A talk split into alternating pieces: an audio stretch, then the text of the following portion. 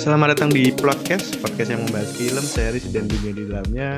Bersama gue Nerdi Pakbar. Kali ini lagi-lagi nggak ada Rainer karena telat datang ke bioskop Mario udah nggak ada. Akhirnya gue mengajak Ojan yang Ah. biasanya bahas kalau nggak superhero, pokoknya film-film ini aja yang Film apa tuh? franchise-franchise besar. Eh ya, ya. Dun Dun bisa lu anggap film franchise gak sih? Iya, gede kan, Ya, Shin Ultraman ya pop culture sih I pop guess. culture lah. Ya, ya, ya, ya. Di sini bareng Ojan. Gimana Jan? Udah udah lama ya kita nggak Oh. di podcast. Terakhir tuh Ultraman kan? Mhm. Iya, Ultraman itu- tuh episode berapa ya? 60-an maybe. Sekarang udah episode berapa deh podcast? 70? Oh, artinya sekarang episode ke-73 ya? Mhm. Oh, wow. Jadi udah udah cukup lama dan Shin Ultraman tuh tahun lalu ya. Tahun lalu Iya, dan iya, iya. mungkin kita akan Bener-bener. tunggu Shin Kamen Rider untuk nextnya. Nah, iya. Tapi kita hari ini akan membahas sebuah film animasi yang diadaptasi dari game dan lumayan disukai banyak orang ya, Betul, yaitu betul. Mario, Super Mario. Walaupun sebenarnya pas awal muncul tuh ada beberapa pro kontra, biasalah kalau ada adaptasi game keluar pasti orang kayak bisa nggak sih nih, bisa nggak sih gitu. Cuman gue yakin ini bisa karena udah ada pembuktian sebelumnya kayak Sonic, terus The Last of Us. Walaupun Hmm, tahun kemarin ada Resident Evil ya, tapi iya. biarlah itu berlalu. Dan Aduh. kali ini kita akan bahas Mario. Lu, tapi lu hype gak sih Jan soal Super Mario movie ini? Oke, em, gua gua pertama-tama ini dulu ya disclaimer kan gua kan walaupun gua bukan Switch user, gua tuh sering banget nontonin Switch Direct, Nintendo Direct ya kan. Dan Hmm. itu kayak pengumuman pertama kali tuh tiba-tiba si wait Shigeru Miyamoto, ya ya pokoknya di, eh, dia kalau nggak salah announce ada Mario movie collab sama Illumination. Mhm. Illumination tuh gue agak-agak skeptical soalnya walaupun gue suka gue suka nonton kartun dan kayak kartun sejelek apa pun at least gue bisa enjoy kecuali satu film yang ntar nggak usah dibahas Eh, cuman kayak adalah gue kartun mau Disney mau Pixar mau Universal mau DreamWorks mau Illumination gue bisa enjoy cuman Illumination tuh yang kayak gue bisa bilang agak-agak bottom tier lah di industri Moderate animasi gitu gitu ya. ya, agak-agak low rate lah karena wah ya Mi- Minions tuh walaupun enjoyable tapi nggak nggak deep gitu at least ya at least itu gue Iya, ngerasain iya. sih kalau di compare sama Disney sama DreamWorks Pixar. kayaknya udah masih agak beda kasta lah makanya pas gua di announce Mario collab sama Illum apa Nintendo kolaborasi sama Illumination ya skeptis terus pas lihat cashnya makin skeptis Karena aja. karena kalau lihat case-nya itu awalnya dibully dulu men. Iya kan? Hmm, hmm. Si siapa? Chris Pratt. Da- Dan makin ke sana makin yo ada ada aja gitu kayak Chris Pratt. Oke itu kayak udah, hah? Ya. Terus Anya Taylor-Joy, Mhm. terus Keegan Michael Key, terus Seth Rogen, terus Jack Black. Gue kayak bentar-bentar ini film apaan gitu. Gue gue jujur gak kebayang gitu pas lihat cast-nya kayak Mhm. ini aktor gue kenal semua. Kalau gue ngebayangin mereka main film bareng-bareng, gue nggak bayang, gue yang gue bayangin bukan Mario gitu. Iya, Makanya gue kayak Walaupun gue pribadi ngeliat Jack Black oke lah, tapi kayak Chris Pratt tuh karena bayang-bayang kita adalah Jurassic World sama Guardians. Guardians of Galaxy, jadi meragukan kan sebenarnya. Hmm. Dan ketika trailer awalnya muncul pun waktu itu banyak orang yang compare kan ada trailer yang bahasa Inggris, ada yang bahasa Perancis apa Oh ya iya, kalau nggak iya salah. betul betul Prancis Prancis. Orang bilang yang bahasa Perancis lebih bagus si voice overnya daripada si Chris Pratt. Oh teaser ini teaser ya? Mm-mm. Oh iya, iya ingat. Ya walaupun at the end of the day ketika lu nonton enjoy enjoy aja gitu tanpa memikirkan siapa si Hmm. voice overnya gitu. Nggak, gue yakin sih argumen ini muncul karena ya Mario ini kan adaptasi lagi-lagi kan. Betul. Dan lu bakal compare sama media yang udah ada. Dan dari game ini yang ngisi suara dari dulu tuh emang udah jelas Charles Martinet yang It's a me, Mario. Kayak itu suara udah ikonik banget gitu. Mhm. dan dan catchphrase-nya itu itu aja. Jadi orang nggak ngebayangin eh, seorang Chris Pratt dengan aksen New York biasa tiba-tiba jadi Mario kayaknya tuh agak kok mukanya kartunis banget tapi suaranya kok kayak Chris Pratt kayak Chris hmm. Pratt gitu. Kayak nggak ada karakternya. Tapi pas average Bowser American Heeh. man gitu ya. Tapi pas Bowser kan orang kayak wah Jack Black Bowser wah wah udah perfect casting. Cuman pas Chris Pratt kayak Mhm. hah? Mushroom Kingdom here we come. Kayak hah? Gitu dan makanya orang compare compare sama Prancis dan ya gitu Mhm. ya ya skeptis skeptis itu muncul karena kegagalan dari banyak film-film adaptasi game di masa lalu sih karena banyak Mhm. banget hampir mungkin lebih dari 50% tuh gagal gitu. Bahkan Super Mario ini punya live action dulu kalau gua nggak Hmm, salah betul tahun betul berapa gitu. Yang tuh 90-an aneh dan nggak jelas men kayak lu nonton apa Mortal Kombat tahun saat itu kan juga ada tuh.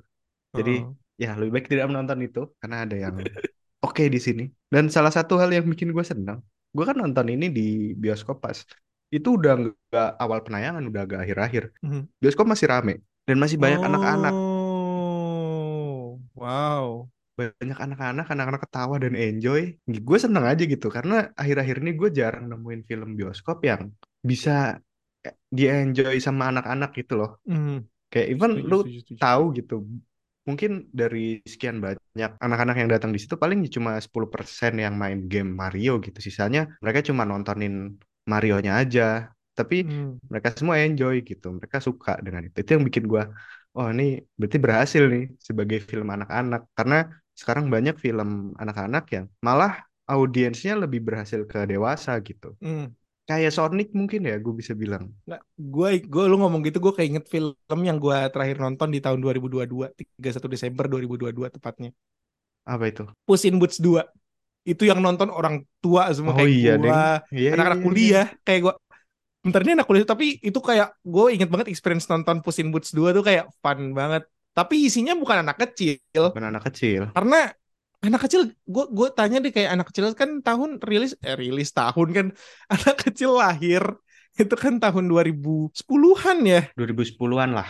Heeh. oh, oh wow gua kita tua ya Kita udah tua men. Shrek rilis kapan gitu loh Puss in. Boots itu kan Paling sequel dari film 2009 Shrek mereka taunya cuma Shrek aja gitu kan. Heeh, dan mungkin tahu dari meme juga Heeh. dia tahu Shreknya mungkin atau mungkin non kalaupun nonton di Nonton TV juga Shreknya doang gitu. nggak Hmm. anak kecil gak nonton TV juga Iya sih sekarang. kalaupun TV Cocomelon or something jadi kayak nggak tahu Shrek nggak tahu Puss in Boots jadi yang nonton ya kita Hmm. makanya pas Mario ya gue gue juga sama sih kayak Lunar kayak gue bentar gue pengen nanya Mario itu tayang bulan Ramadan ya Bulan Ramadan akhir-akhir lah. Sampai habis Lebaran dia masih tayang. Agak lama tuh, tuh Mario. oh enggak. Dari awal dari awal Ramadan kok. Soalnya gue nonton tuh Oh, bukber awal Ramadan. dari awal. Kan barengan Berarti lama banget dong dia sebulan I- ada kali. iya. Iya karena kan eh, ini kita langsung sebut box office aja ya. Langsung ha. baru nembus satu bili eh, satu billion. Baru nyentuh, nyentuh satu miliar dolar ini. Oh. makanya kayak emang udah udah box office yang bertahan cukup lama gue sih nggak tahu bakal ngalahin Frozen atau enggak sebagai film animasi ter eh, tersukses panjang masa cuman punya potensi dan gue harap Benar-benar. sih well eh, ya kalau bisa bersaing ya gue gue bersyukur aja Bagus sih lah, emang ba- emang bagus Hmm, tapi bagus. tadi juga pas lu bilang anak kecil banyak nonton padahal nggak banyak nonton Mario gue mungkin bisa nambah poin kalau film Mario ini berhasil bikin anak kecil minta maknya untuk beli Nintendo Switch Iya nih. Benar benar benar benar. karena karena gue inget banget kemarin gue ke mall ada kali dua tiga anak ngantri beli beli Nintendo yang ada gambar Mario-nya Hmm. gue kayak wah filmnya berhasil Kalau promosi nggak kalau nggak beli Nintendo beli ini kayak merchandise merchandise-nya Mario biasanya. oh ya topi Boneka Gini. lah apa. heeh, kumis-kumisan kayak iya Pasti ada aja lah. heeh, ngedorong banget dan makanya berhasil gitu ini film Betul betul betul. Dan mungkin kita langsung masuk ke filmnya aja ya. oke oke Selain eh, bukan selain ya, mungkin salah satu faktor yang bikin film ini berhasil dan cukup enjoyable adalah karakter-karakter di film ini sih. Lu Hmm, setuju setuju menyajikan karakter di film ini dengan sangat baik gitu. Nggak yang asal, oh Mario nih fun ya udah dibikin lucu terus gitu kayak Thor berapa tuh. Nah, ini kan dia ada ada fasenya serius, ada fasenya sedih. Bahkan di awal-awal kita bisa ngelihat Mario tuh penuh tekanan ya kayak oh dia tuh tukang apa ya namanya tukang tukang ledek. ledeng ya Ah, tapi fail baru pertama Heeh. kali kerja. Gue bahkan eh nggak expect oh bisa bikin lumayan ini juga ya lumayan deep juga gitu sampai Hmm. akhirnya dia masuk ke dunia fantasi Mario Bros tuh menurut gua oh ini bagus gitu dia bikin karakternya si Luigi bagus Princess Peach walaupun ada Hmm. orang yang ngatain bahwa wah Princess Peach ini agenda SJW Oke. Padahal padahal enggak menurut gua karena ini karakter bagus gitu. Tapi kalau menurut lu karakternya sendiri salah satu kekuatan gak sih di film ini? Em, gua rasa memang kalau gua harus bilang beberapa aspek yang paling kuat, mungkin gue setuju sih kalau lo bilang karakter ya, karena eh, apa namanya ya karakter-karakter di sini menurut gue ya nggak ada yang lu tau lah kalau sekarang tuh banyak film yang gue nggak akan menyebut nama film, tapi mungkin lu familiar. Ada ada beberapa karakter yang basically ngeganggu plot yang mungkin jadi comedic relief atau gimana yang in a way malah kayak ngehalangin ceritanya kayak cuman bikin bikin suasana aja terus kayak ini karakter ngapain sih ganggu dan segala macam. Gua nggak menemukan masalah itu di film ini. Semua karakter punya purpose-nya masing-masing, punya motivasinya masing-masing dan eh, dan bagaimana mereka diportray sama cast-cast yang tadi kita skeptis ended up bagus gitu. Kayak Mario yang Mario sama Luigi yang Mario ngebawa Luigi yang yang sebenarnya udah punya kerjaan tapi dia di eh, Mario ajak buat kerja mandiri sebagai tukang ledeng ya Super Mario Brothers. Eh terus kayak keluarganya masih ngejauhin apa keluarganya kayak nge- ngerendahin mereka. Tapi si Mario masih kayak pede ayo kita selamatin Brooklyn dan segala macam gue ngerasa eh, apa ya nge- berhasil lah ngegambarin Mario yang ya yang kita tuh sebagai penonton mau root gitu. Dan in a way juga tadi kalau lu ngomongin soal pitch pertama argumen soal agenda SJW gue baik lagi. Shigeru Miyamoto bilang ini dari awal pitch memang tidak damsel in distress doang. Toh di Super Mario Bros. 2 di NES Mhm. Princess Peach itu playable character. Benar-benar. dan Dan dia orang bisa lebih mendingan main itu unlockable character lagi yang emang lu pengen mainin karena Mhm. apa rocknya itu bisa ngeglide Mario Dia cuman lompat dia punya bahkan karakternya pun dikasih skill dan kekuatannya sendiri gitu. itu lebih lebih emang emang pada dasarnya memang faktanya bukan Peach jadi eh, Mary Sue atau apa tapi memang secara lore pun Peach memang lebih daripada Mario cuman Benar, benar, Mario benar. punya punya plot armor itu aja Hmm. Benar-benar benar. gitu. Terus kalau ngomongin karakter tentu kita nggak bisa lepas dari Bowser ya Betul. kan? Dan dan motivasi yang jujur gue nggak duga di film ini motivasinya Bowser itu tuh itu gitu. Karena ya selama ini ya gue gue sih gue main gue main tanda kutip main ya gue ngerental Mario Odyssey emang motivasinya mirip. Cuman gue tidak menduga di film ini dia bakal pakai motivasi itu. Kalau menurut lu gimana nih Bowser? Kalau atau ya antagonis dan the whole ya konfliknya deh Gue jujur enjoy-enjoy aja ya karena gue bukan pemain Mario juga gitu. Ah, oke, Paling pas oke. kecil pernah lah beberapa kali gitu. Itu pun juga kita kan pas kecil taunya Mario lompat-lompat nginjekin musuh gitu kan. Tapi Mhm. di sini menurut gue cukup enjoy aja gitu. Bahkan eh, motivasinya si Bowser pun juga dapat dipahami dengan mudah gitu. Even anak-anak pun juga ngerti. Jadi menurut gue cukup baik lah. Bahkan lucu ya maksud gue komedinya berjalan ngalir aja gitu. Bahkan ada Hmm. nyanyinya juga. Mana suaranya bagus lagi. Ya Jack Black ya. Iya. Jack Black emang emang udah penyanyi dari dulu ya. Dan Aduh. oh, gue jadi mau nambahin nih. Ngomongin soal cast tadi, selama gue nonton Mario, gue tuh udah udah lupa sama cast-castnya. Jadi gue bener-bener, oh ini udah karakter gitu. Princess Peach tuh begitu gue udah kelar nonton, gue baru sadar, oh dia ya ini ya hanya Taylor Joy ya. Gue tuh baru baru sadar itu karena selama nonton nggak nggak kerasa hanya Taylor Joy sama sekali gitu. Oh iya, iya iya, gue gue setuju sih. Kayak gue eh, terutama juga Chris Pratt kayak itu tuh tadi ya lagi-lagi kalau kita nge-respect actors ya. Kan Hmm. di awal-awal Super Super Mario Brothers yang mereka iklan itu kan si si Mario sama Luigi ngomong pakai aksen Itali kan. Hmm. Dan itu Chris Pratt bukan Charles. Charles jadi cameo yang bilang, "Oh, itu udah bagus." Wuhu gitu kan. Yang Hmm. kakek-kakek Iya, iya. tua. Itu tuh sebenarnya original voice actornya Mario tuh. Gua Hmm. rasa ya Not ya bad dia loh. Heeh, spot on kok, spot on kalau dia jadi Mario, Cukup tapi pun baik. sebagai Mario di film ini ya nggak nggak out of place karena memang karakter Mario di sini ya di, di dicampurin sama karakter Chris Pratt juga in a way. Jadi Mhm. bukan bukan Mario game yang kartunis banget. Karena masih punya masih dewasa lah. Tapi di karena kan dia pengen nyelamatin adeknya. Dia masih ya apa punya punya PD dan segala macem. Yang bikin ya karakter Mario di film ini sama Chris Pratt tuh nyambung. Dan ya gue gua nggak ngerasa ini Chris Pratt aja gitu. Tuh sih Yap, yap, yap. Dan kita juga nggak boleh lupa mention Donkey Kong. ah right right itu kayak satu whole plot juga sih Hmm. Karena apa ya ba- bagus aja sih menurut gua mereka menyampaikan apa ya karakternya tuh oke banget gitu. Ini pun Don Donkey Kong yang gue malah nggak pernah mainin gamenya dia gitu. Cuman oh ya gue jadi ngerti ceritanya sedikit-sedikit gitu dari film ini. Cukup digambarkan dengan sangat baik sih kalau gue. Ah, tapi em, ini mungkin gue agak sedikit negatif maaf nih Mhm.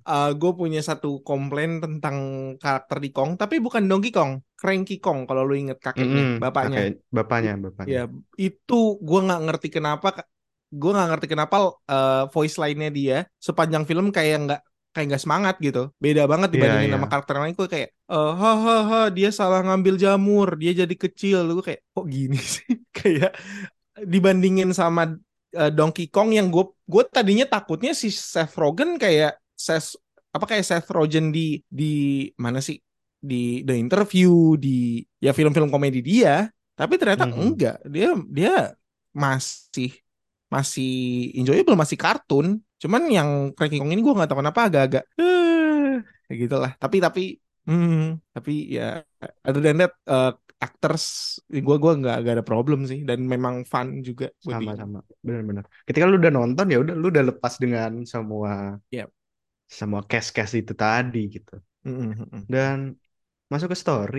Ngomong-ngomong ya soal story, gue tuh tiba-tiba gak tau ya kayaknya gue aneh aja sih. Gue tuh pas lihat openingnya Mario, lu tau gak gue gua ngomong apa kok Jan? Jan ini ini perang antara Darkseid sama apa dewa-dewa yang di Justice League, sumpah. Aduh. Karena kan datang tuh eh, kendaraan berapi-apinya Bowser menjajah tanah gitu gue kayak wah sinematik habis ini kayaknya memang jangan-jangan terinspirasi atau ternyata enggak itu cuma pikiran gue doang yang kebanyakan nonton superhero Oh, bisa jadi sih ya. Gue gue soalnya jujur pas lo ngomong kayak gitu gue kayak bentar gimana? Kayak gue berusaha connect dulu. Cuman mungkin Hmm, ya in a way karena ah iya gue gue mulai nangkep kan kan yang datang terus ada wizard eh, nyambut Iya. lord gede keluar dari kapal ya I guess I guess iya gue bisa iya. connect ya. Cuman kemarin tuh gue dapet chat dari teman gue yang baru nonton kemarin. Dia bilang Jan, gue habis nonton Mario. Ternyata Mario di film ini dia di isekai ya.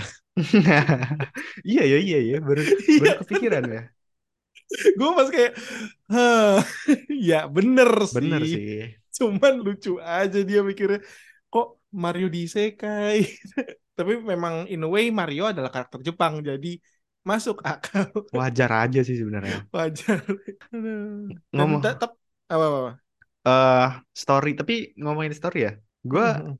sebenarnya kalau dibilang story yang epic banget menurut gua nggak nggak segitunya ya kalau Hmm, bisa hmm. dibilang apalagi secara mm, durasi dia nggak nggak panjang-panjang banget kan cuma satu setengah jam kalau gua nggak salah Yes, yes pendek. Ini malah gue bisa bilang agak pendek untuk secara Mm, durasi. agak pendek tapi sangat-sangat bisa dinikmati gitu bahkan nyambung ke Ojan tadi soal promosi kalau nggak salah gue ngeliat ada anak yang datang ke bioskop tuh bawa boneka Mario gitu boneka Mario kecil jadi kayaknya memang untungnya kalau udah karakter kayak gini untungnya double-double nih berarti Hmm, hmm. Oke, em, mungkin kalau ngomong ke story ya, eh, tadi gue pengen nambahin juga nih, kayak gue nggak tahu ya lo ngerasain problem ini atau enggak. Ya, aduh ini gue agak negatif lagi, tapi tapi gue suka, ya again gue suka. Cuman lo ngerasa nggak eh, filmnya ini karena tadi gue mungkin ngerasa kayaknya mungkin karena durasi juga tadi yang singkat ya. Ini kayak blessing tapi curse juga gitu loh, karena ya di satu sisi ceritanya strukturnya udah simple gitu. Kayak ya dia diambil gini tugasnya Mario begini dan Mario lakuin ini gitu. Kayak kita udah paham ya ya alurnya jelas gitu. Cuman gue merasakan problem yang lagi-lagi dialami sama film-film Illumination yang udah pernah gue nonton, yaitu pacing. Gue ngerasa film ini pace-nya agak cepet gitu, yang kayak jad- Mhm. jadinya kayak tiba-tiba udah ke sana aja gitu. Kayak gue nggak menduga, eh, ini mungkin gue agak nyentuh, agak nyentuh ranah spoiler dikit ya, tapi nggak terlalu parah sih. Pokoknya ya ini ada di trailer juga. Pokoknya gue nggak menduga setelah eh, car mobil apa Mario Kart session tiba-tiba final battle gitu. Gua gua ngerasa ada ada sedikit waktu dikit buat ini, tapi kayak ya ya nggak apa-apa, ya nggak apa-apa. Cuman gua kayak kok cepet banget gitu. Tapi selain itu, gue gue suka banget bagaimana film ini kayak berusaha nge-incorporate dunia Donkey Kong, nge-incorporate dunia Mario di Brooklyn. Yang gue gua nggak menduga itu juga bakal terjadi di film ini.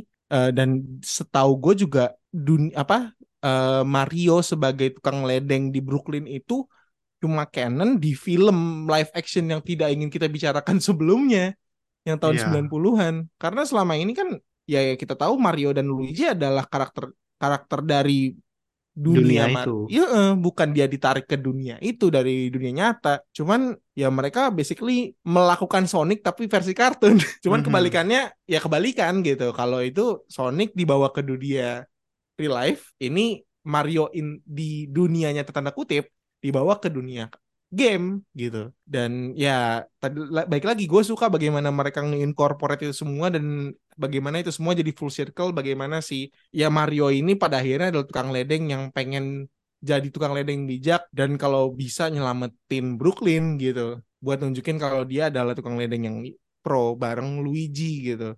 Dan gue suka bagaimana mereka incorporate semua jadi satu cerita yang coherent at least gitu sih. Benar-benar benar.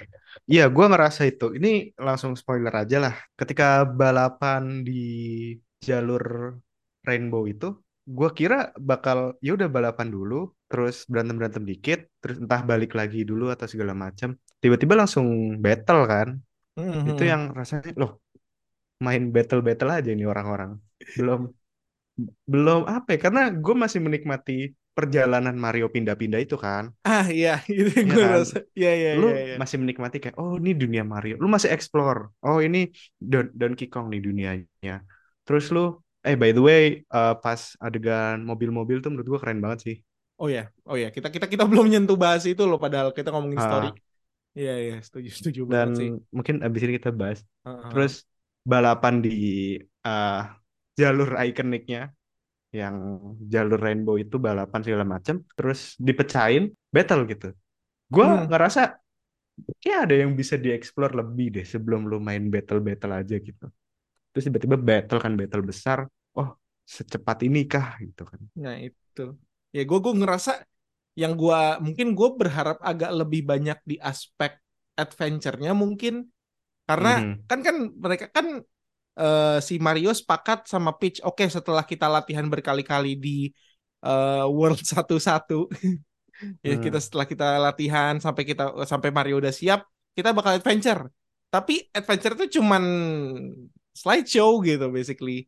Nunjukin mereka ke eh, ke eh, mapnya Mario Odyssey mapnya Mario Mario yang lain. Kayak jatuhnya jadi kayak Easter egg doang. Padahal itu menurut gue bisa jadi jadi story story adventure gitu. Basically kayak Jumanji or something. Di mana itu eksplorasinya mungkin ya karena eh, gue gue rasa ya yang namanya ya game-game game Mario pun walaupun platformer tapi in way juga adventure game. Dan aspek eksplorasi itu yang ya gue harap ada. Cuman ya mereka nggak deliver itu dan bikin runtamenya jadi agak cepet gitu. Jadi kayak benar-benar benar uh-uh, di situ sih kayak tiba-tiba eh, Princess Peach balik ke kota jamur terus ditangkap sama siapa tuh? Jamur Sokras oh di iya. ya kan diancam terus disuruh nikah Bowser segala macam terasa cepet tuh di situ tuh cepet Mm, banget. mm, mm. terus Mm. langsung battle.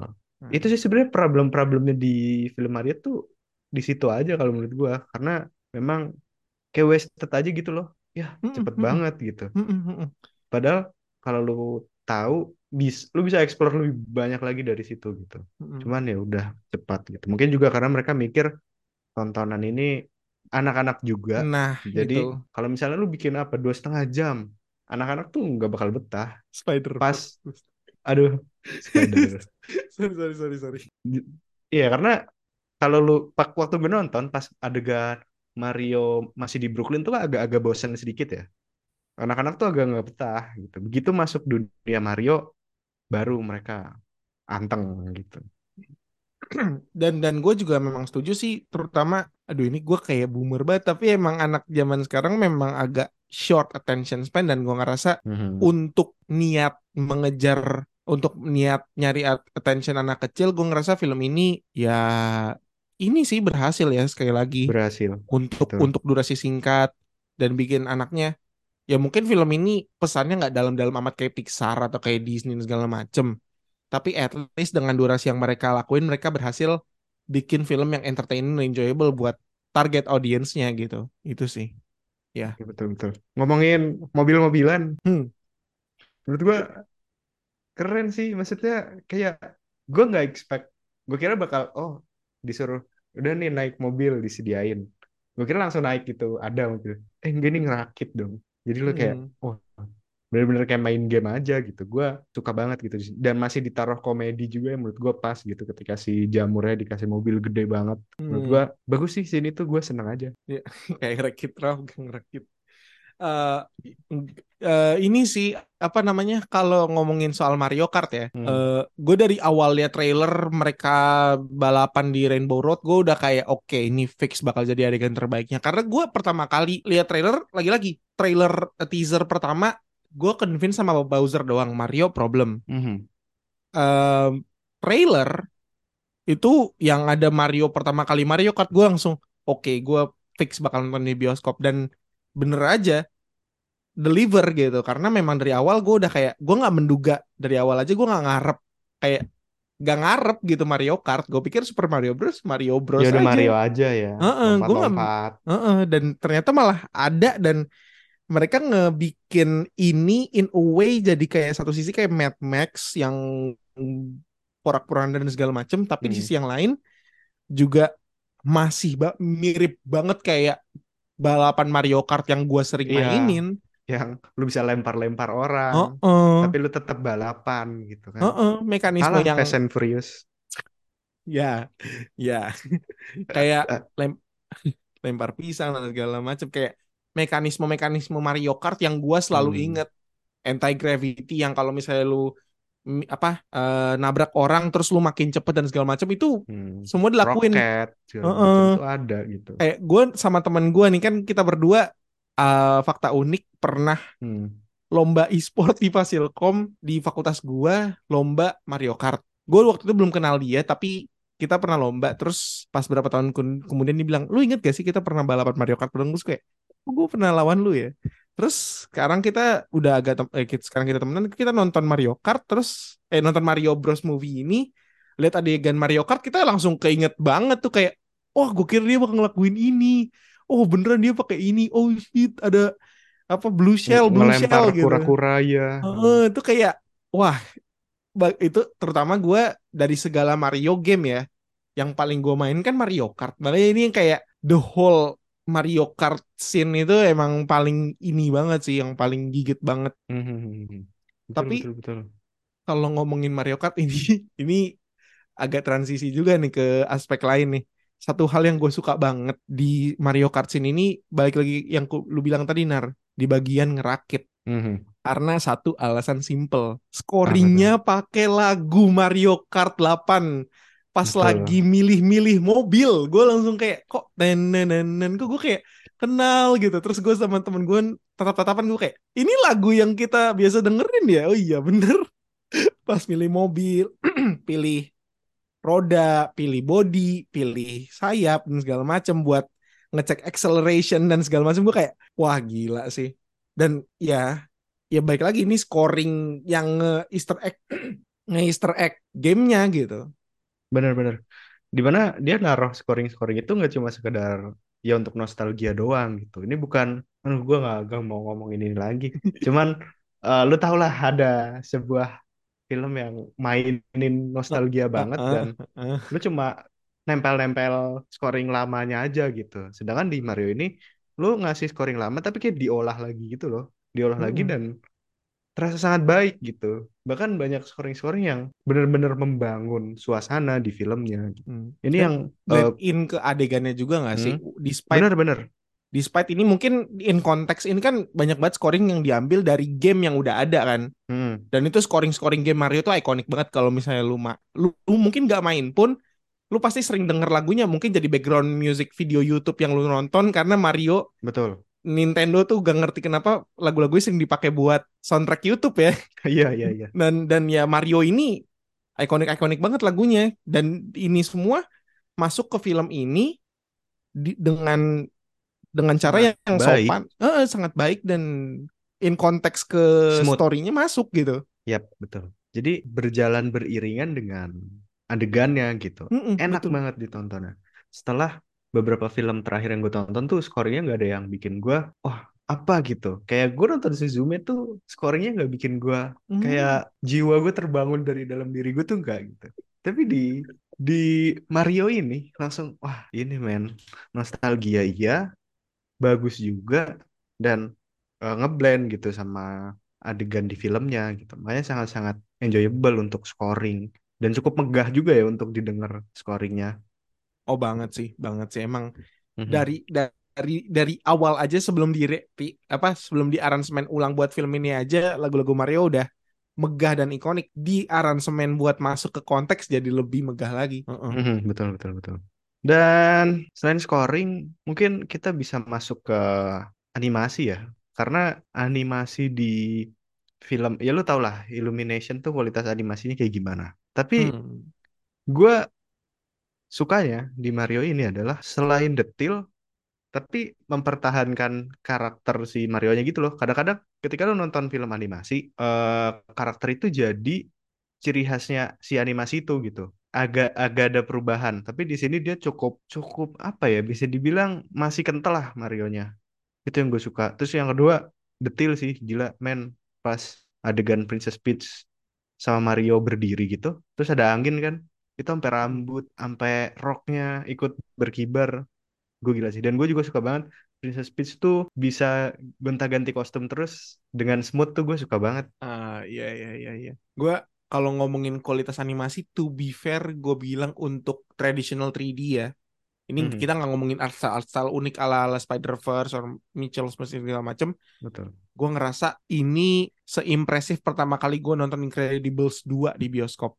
Itu kan kayak pertama kali, enggak nih Toy Story 4 yang bikin-bikin gue kayak, oh. Cuman kan ini kan gak, gak, bukan apa ya bahasanya, fotorealistik ya bahasanya kalau zaman sekarang ya. Mhm. Kalau yang real banget, ini nih bukan fotorealistik. Cuman basically ini kayak game Nintendo dikasih ray tracing dan dan itu udah Iya, bagus iya, banget iya. gitu. Karena apa ya? eh gue gua suka fakta bahwa Illumination setuju karakter desain Mario itu jangan dirusak. If you apa if it don't if it doesn't work don't fix it. Ya itu yang mereka lakuin gitu. Kayak mereka nggak ngubah ngerombak total Mario gitu kayak let's say Betul, Sonic betul. se- Sonic sebelum Nah. dihujat gitu ya. Landak sakit. Landak sakit. Ya maksudnya ya mereka sadar gitu Mario ini karakternya begini jangan Memang begitu. diapa-apain gitu. Bahkan waktu di Brooklyn kita bisa lihat Mario tuh beda sendiri men, paling kecil sendiri. Mhm. Terus Ya kayak paling mu- sekeluarga aja yang mirip. keluarga aja gitu. Sisanya orang-orang normal dia mukanya gede sendiri, paling Mm-mm. kecil, kumisnya paling tebel. Tapi Heeh, matanya gede. it works gitu. Mm-mm.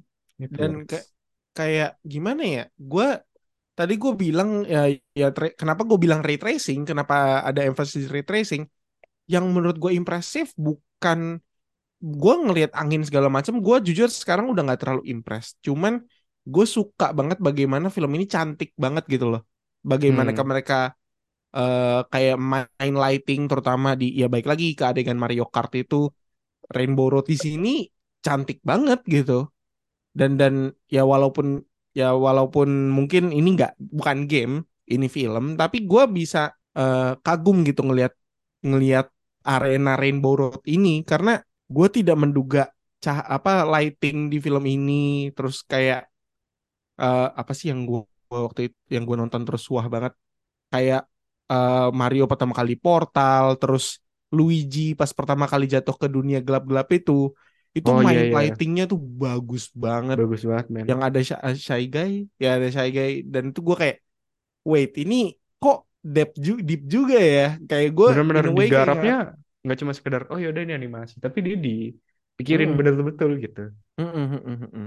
jadi gue ngerasa memang ya ini kayak Mario pakai Unreal Engine kali ya bahasanya kalau game ya Hmm, tapi ya ini impresif banget sih terutama di cahaya makanya gue impress banget sih sama betul, betul, lighting betul. dan the whole ya illumination sekali lagi gue eh sal well gue mau salut tapi juga kayak ini bare minimum gitu gue Siap. salut Hmm. dan bare minimum illumination memutuskan untuk ti- tidak mengotak-ngatik desainnya Mario Peach Bowser dan ya ya se- seluruh karakternya nggak diapa-apain gitu dan gue ya Karena ya mungkin bisa dibilang bare minimum ya. Tapi kenapa Ya. kita senang? Karena selama ini parah banget men adaptasi Hmm. game itu. Even Sonic tuh sebelum di rework tuh, men itu nah itu bioskop bisa di obrak-abrik sama fansnya gitu. Kalau sampai itu nggak diubah, jadi sungguh sangat akhirnya studio-studio ini dengerin orang gitu. Heeh. Setelah dan dan sebelumnya kan berbuah hasil.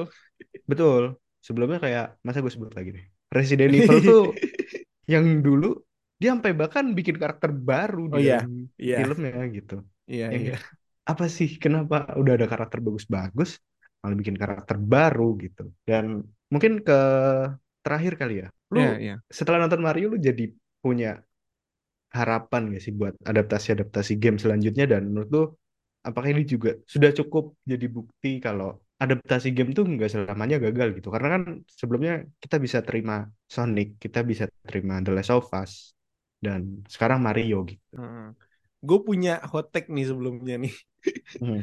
Eh, gue mungkin berani bilang kalau adaptasi game ke apa adaptasi game ke film itu bukan dipatahin sama Sonic, bukan dipatahin sama The Last of Us, bukan dipatahin sama Mario, tapi sama Angry Birds movie. oh iya iya iya iya iya.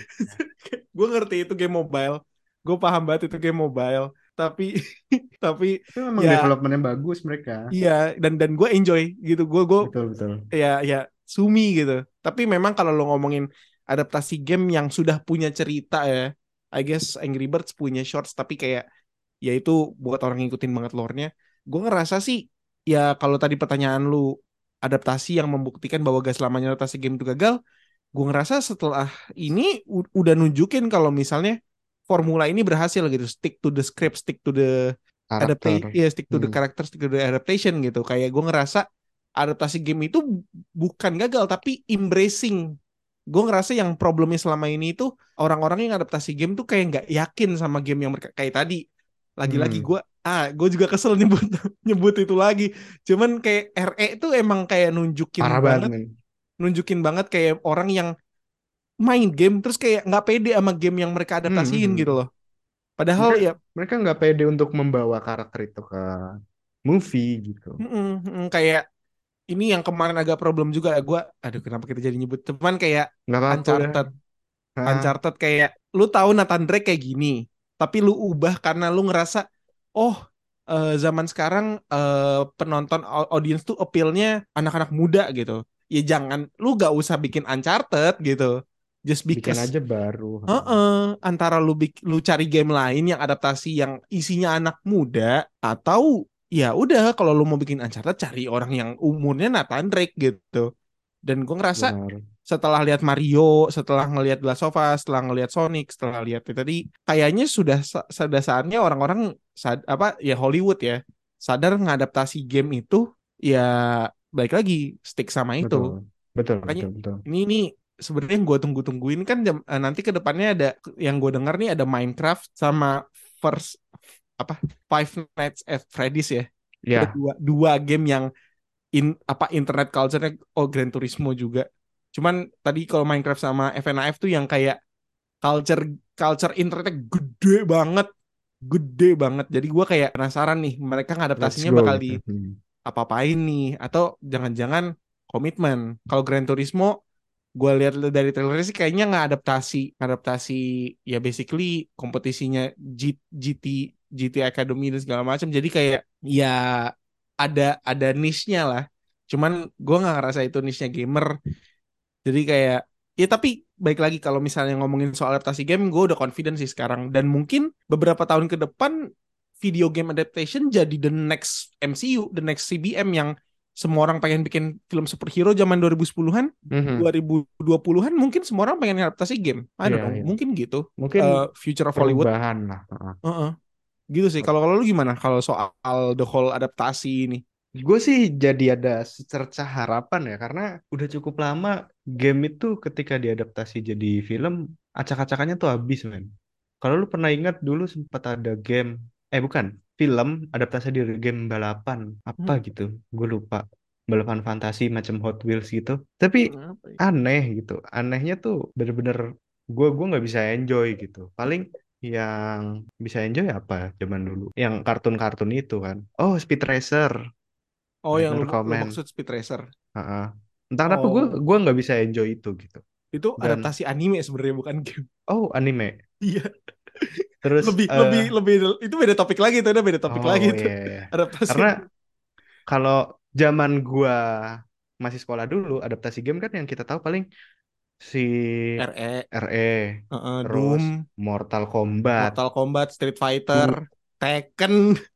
Oh iya. Aduh, Terus tuh. ada apa ya? A AO apa ya? Gue Dead or, lupa. Dead or Alive. Dead or Alive. Aduh itu.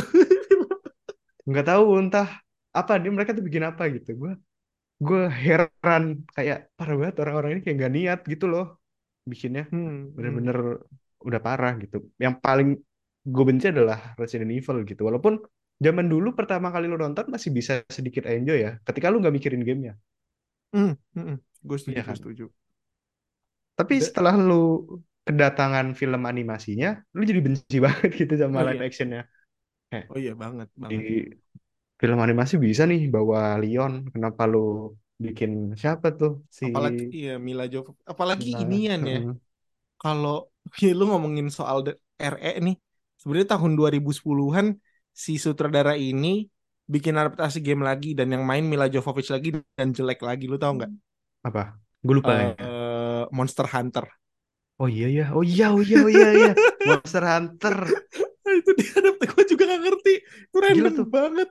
sebanyak itu game yang diadaptasi dari apa jadi film dan Sutradaranya sama lah, Uwe-Boll juga loh. heeh, Oke, gue kayak fail dan, dan tadi kalau gue gue setuju banget apalagi bagaimana seberapa jaringnya ya. Itu yang gue keselnya tuh Resident Evil. Hmm, Kita kita jadi negatif banget kita kalau ngomongin ini. ya. banget iya ya Cuman ya tadi kalau RE di soalnya RE tuh horor, horor yang Hmm. pertama-tama. Game PS1 tuh RE tuh kayak satu kategori itu sama Silent Hill, game setan, game horor, Mm-mm. bukan game action. Kalau game action tuh Metal Gear Solid kalau PS1 atau Final Iya. Fantasy, bukan Hmm. Resident Evil. Jadi kayak benar benar benar benar aduh, cuman ya sekarang positive light lah ya. positif mulai gue mulai percaya bahwa adaptasi game itu bisa dikerjakan dengan lebih niat tuh setelah eh, Warcraft Ah, Warcraft keluar terus pas Angry Bird tuh gue kayak belum belum yakin lah karena sebenarnya Angry Bird kan nggak punya cerita sedih Iya. itu kan di gamenya dia Ah. hanya oh ya ya, udah telur gitu. diambil babi, Heeh. burung Atau marah. burungnya yang kecil-kecil main ditangkap babi ya udah gitu itu doang kan tapi Hmm. setelah Warcraft gue pikir kayaknya bisa nih cuman setelah itu ada yang ada yang cukup niat juga gitu kayak cuman masih belum bisa bikin gue gimana banget gitu kayak Assassin's Creed terus Resident Evil Oh iya, Assassin's gagal Creed, lagi. juga. Resident Evil Ah, gagal ah. lagi tuh dua kali Iya, Welcome to Raccoon City. Tiga sama- kali. wah tiga kali ya Welcome Berarti- to Raccoon City tuh mau cocokin sama game. benar benar Ada benar Leon, ada ada Chris Redfield. malah kayak B movie ya malah kayak B-movie, kayak fanmade. Hahaha. Jadi dan balik lagi ke Mario, kita Iya, jadi balik ke keluar sedikit. Ini harapan gue sih, ini jadi harapan terbesar. Bahkan kalau sampai Mario ini bisa bersequel-sequel, gue akan ikutin terus karena digarapnya serius, Dan- Hmm, hmm. nggak ngotak-ngatik karakter gitu. Ini gue mau meluangkan waktu untuk nonton ini kalau ada sequelnya kayak Sonic gitu. Jadi Hmm. gue harap ini bisa jadi contoh lah dan Mario ini bisa berlanjut terus gitu dengan mempertahankan karakter-karakter yang ada. Ngomongin juga Mario nih eh, kan karakternya bagus ya. Hmm. Princess Peach ini nanti pasti ada akan ada orang-orang aneh nih yang membucinkan Princess Peach. Tapi tapi mending, tapi tapi mending ya maksud gue Princess Peach itu masih human form gitu. Karena ada nih teman saya sama serigala sama serigala kartun gue langsung Aduh. Jangan. Aduh, Aduh. bahaya ini. apa ini orang ini jadi ya Aduh. jangan kaget nanti kalau misalnya ada orang-orang kayak apa gitu tiba-tiba suka banget Princess Peach gitu cuman oke lah film ini lu Uh, gue sangat merekomendasikan ya dan eh, ini nih apa? Mungkin kata yang gue bisa simpulkan untuk film ini adalah kan Mario ya, super sekali. waduh bang Sangat super. Nggak, nggak. Oke. Eh, ini mungkin gue gue punya final question nih buat Lunar. Hmm. Eh apa ya apalagi Super Mario kan ya itu oke. Iya. Eh, apa nar eh, pertanyaan gua ke lu adalah kalau apa kan tadi kan lu bilang kalau misalnya Mario nih bakal ada sequel-sequelnya lu bakal nonton lagi. Lu ada ideal apa adaptasi game lagi nggak yang lu kayak oh gue main gamenya gue pengen nih ya, ini diadaptasi jadi series kayak jadi film kayak gitu. Ada nggak yang lu Game bisa pikir? Ya game yang lu kayaknya zaman sekarang dengan lu confident adaptasi game bisa bagus. dan budget budgetnya juga mencukupi ya maksudnya Iya iya kayak iya zaman iya iya. zaman zamannya apa tuh Ya, dulu ya, lah digarap 90-an serius lah, kan digarap Ah, serius lah, digarap digarap serius serius ya. mungkin dua sih gua Apa tuh? satu Bioshock Oh, yang iya. kedua adalah oh enggak tiga deh tiga deh Oke, oke, oke. yang kedua eh my favorite eh, Dead Space sama satu Oh. lagi Wolfenstein Oh, wow. Itu itu itu game-game yang menarik sih buat dibikin. game-game menarik. Iya. dan fansnya bisa- besar Heeh, heeh. Gue bisa nge oh terutama BioShock ya. Gue bisa Benar. ngebayangin BioShock jadi actual movie franchise. pernah pernah di direncanakan orang mau garap tapi nggak tahu nggak ada kabar lagi Nah, ya gitulah. Nah, Ya. aduh. Kalau lu Kalau gua, gue sebenarnya ada nih yang sebenarnya sedang digarap, tapi gue takut, tapi gue pengen gitu. Mhm. Satu, Borderlands. Gue takut Oh. banget sama adaptasinya soalnya gue nggak bisa ngebayang Kevin Hart jadi Roland, tapi other than that, Kevin Hart Claptrap, ya Kevin Hart jadi Roland, Kevin Hart jadi militer, makanya gue kayak Kevin Hart. Tapi Jack Black jadi Ca- Claptrap itu udah W, W. Hmm. Tapi eh, oke selain itu ya, yang gue mungkin harap jadi adaptasi eh ini kalau animasi mungkin Hades, Hades itu gue Oh, ya. main gamenya itu kayak seru banget apalagi kalau dibikin series anime style gitu gue kayak oh ya ini bisa nih. Tapi yang dari tadi gue pikirin itu ini kayak- ini gue balik lagi ke Nintendo tapi ini kayak full on mimpi banget. Zelda, right? Zelda oh collab mimpi sih emang bener Aha, aha. Ya, kayaknya where do we go from here Nintendo kayak oh Mario bisa mengumpulkan satu satu miliar dolar kita eh, bikin apa lagi? Oh kita bikin franchise apa lagi ya? Ini, ini, ini, Zelda. Harapan gua, gua yakin ini full on mimpi, gak bakal kejadian. Cuman one man can dream, Nintendo X Ghibli.